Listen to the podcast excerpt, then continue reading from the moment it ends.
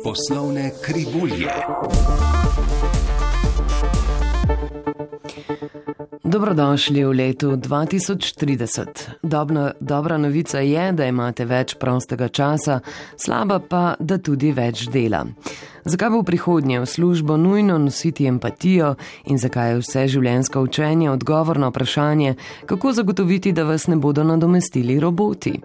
O prihodnosti dela se je Sabrino Dik, regionalno kadrovsko direktorico podjetja SAP, pogovarjala Anja Hlača-Ferjančič. Sabrina Dik je kadrovska direktorica za osrednjo in vzhodno regijo v podjetju SAP.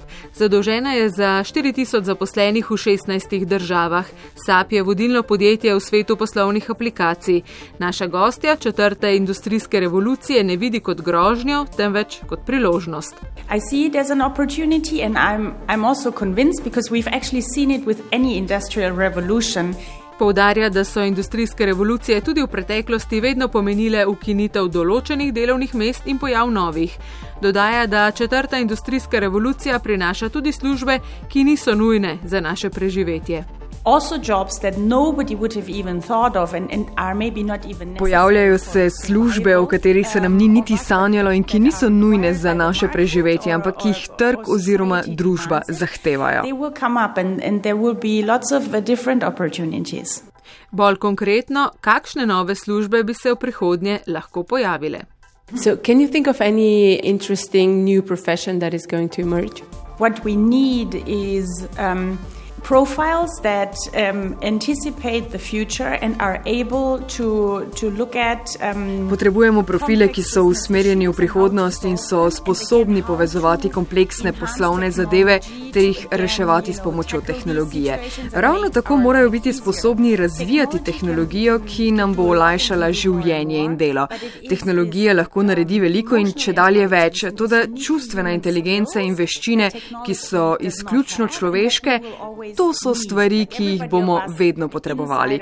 Vsak od nas ima empatijo in čustveno inteligenco, ampak nekateri zelo težko delajo in živijo s tem, bo pa to izjemno pomembno. Več empatije torej. Podobno je pred časom razmišljala tudi nedeljska gostja na valu 202, kreatorka voditeljstva Ksenija Špiler Božič. Ta občutljivost voditeljev in vodi se mora tu povečevati, se pravi, da znamo zaznavati sočloveka, delavca, sodelavca ne, in reagirati trenutno.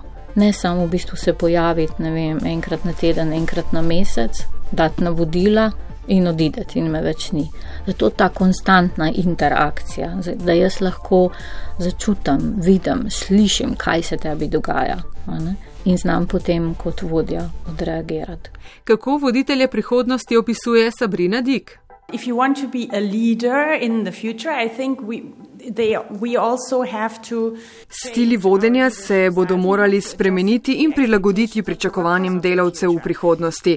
Če spremljate ljudi, ki zdaj vstopajo na trg dela, vajeni so delati digitalno, uživati v prostem času, potovati po svetu, želijo živeti svoje življenje, niso vajeni stroge hierarhije.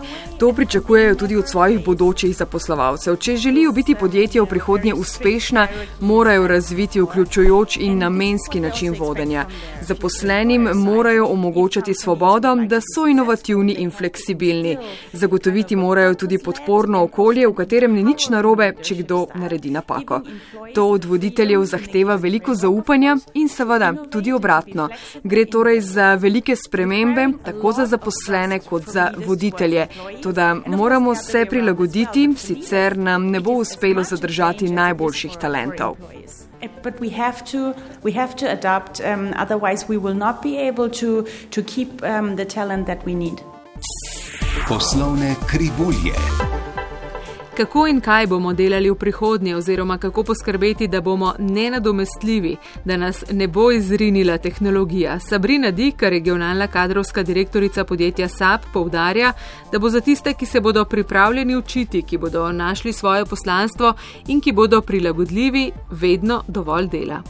We need to embrace lifelong learning. Vse poklice in dejavnosti moramo vključiti v vse življenjsko učenje. Vse se spreminja in spreminja se če dalje hitreje. Razviti moramo sistem, ki stremi k razvoju vseh zaposlenih in podjetja samega.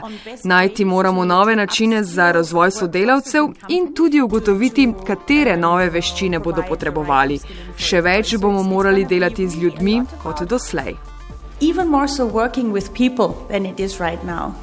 Čigava naloga pa je spodbujati vse življenjsko učenje. Je sploh smiselno, da država ali podjetja spodbujajo ta koncept ali naj bo to prepuščeno samo inicijativnosti posameznika?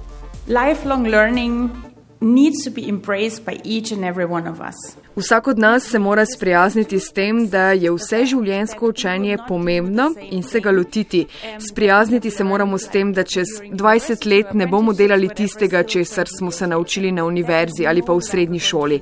To nam omogoča, da bomo počeli tudi druge stvari, da bomo lahko delali na drugih področjih, ne le na tistih, na katerih smo se izobraževali. Podjetja morajo zagotavljati priložnosti za učenje. Za zaposlene mora biti učenje enostavno sme jim vzeti preveč časa, biti mora prilagojeno in zabavno. Igrifikacija je zelo pomemben koncept. Za zaposlene učenje ne sme biti breme, ampak zabava.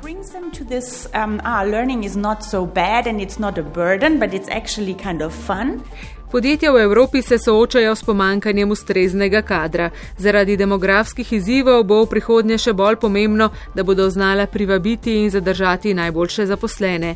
Kot pravi naša gostja, pri tem ni pomemben le en vidik, da nimo plača ali možnost napredovanja. Gre za celotno izkušnjo, ki jo ima zaposleni s podjetjem. I like to uh, compare it with a restaurant visit. To rada primerjam z obiskom restauracije. Rezervirate mizo v najboljši restauraciji, pripravljeni ste odšteti veliko denarja. Vse je v redu, le postrežba je res slaba. Natakar je aroganten, ne vpraša vas, če vam lahko prinese še kaj pijače. Morda boste šli še enkrat, da tej restauraciji date še eno priložnost. Ampak ne boste pa stalni gost, ker izkušnja ni bila dobra.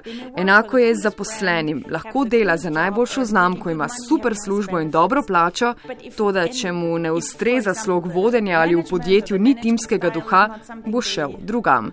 Številni elementi so pomembni, da bi zaposleni ostali. V podjetju moramo ustvarjati dobro izkušnjo.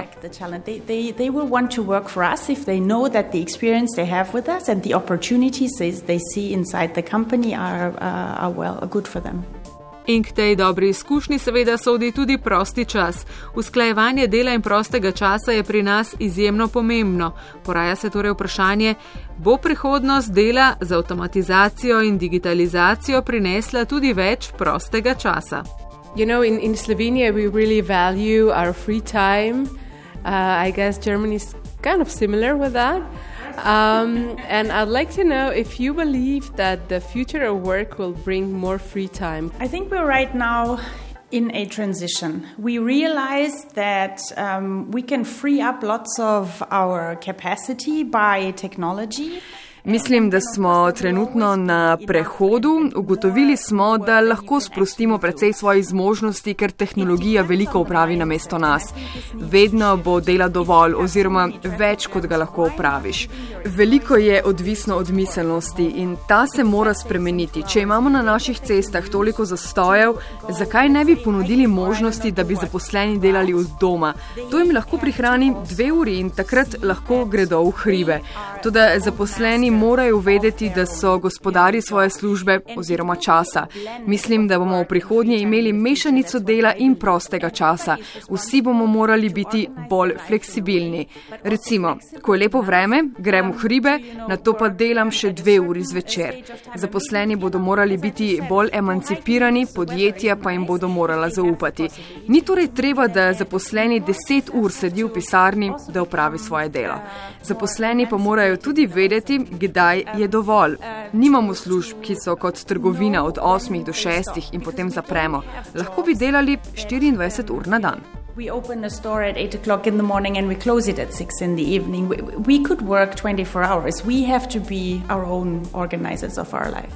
ta odgovor ne pojasni povsem, če bomo res imeli več prostega časa. Uh, so not not sure if we'll have more free time. Maybe it'll just be. It will be different. I think it will be different. Um, we, we, we have to embrace the fact that. Um, Drugače bo sprejeti moramo dejstvo, da bo šlo za preplet dela in prostega časa. Mene osebno to reši stresa, če vem, da imam fleksibilen delovnik in da si lahko popovdne vzamem nekaj prostega časa in delo dokončam zvečer. Nekateri pa pravijo, da jim je to veliko bolj stresno, saj imajo občutek, da morajo biti neprestano dosegljivi dosegljivi. Zelo pomembno je torej, da znate upravljati sami sabo oziroma svojim časom. Tako Sabrina Dik, ki kot kadrovska direktorica skrbi za okoli 4000 zaposlenih v 16 državah in priznava, da ima tudi sama kar nekaj izzivov pri usklajevanju dela in prostega časa.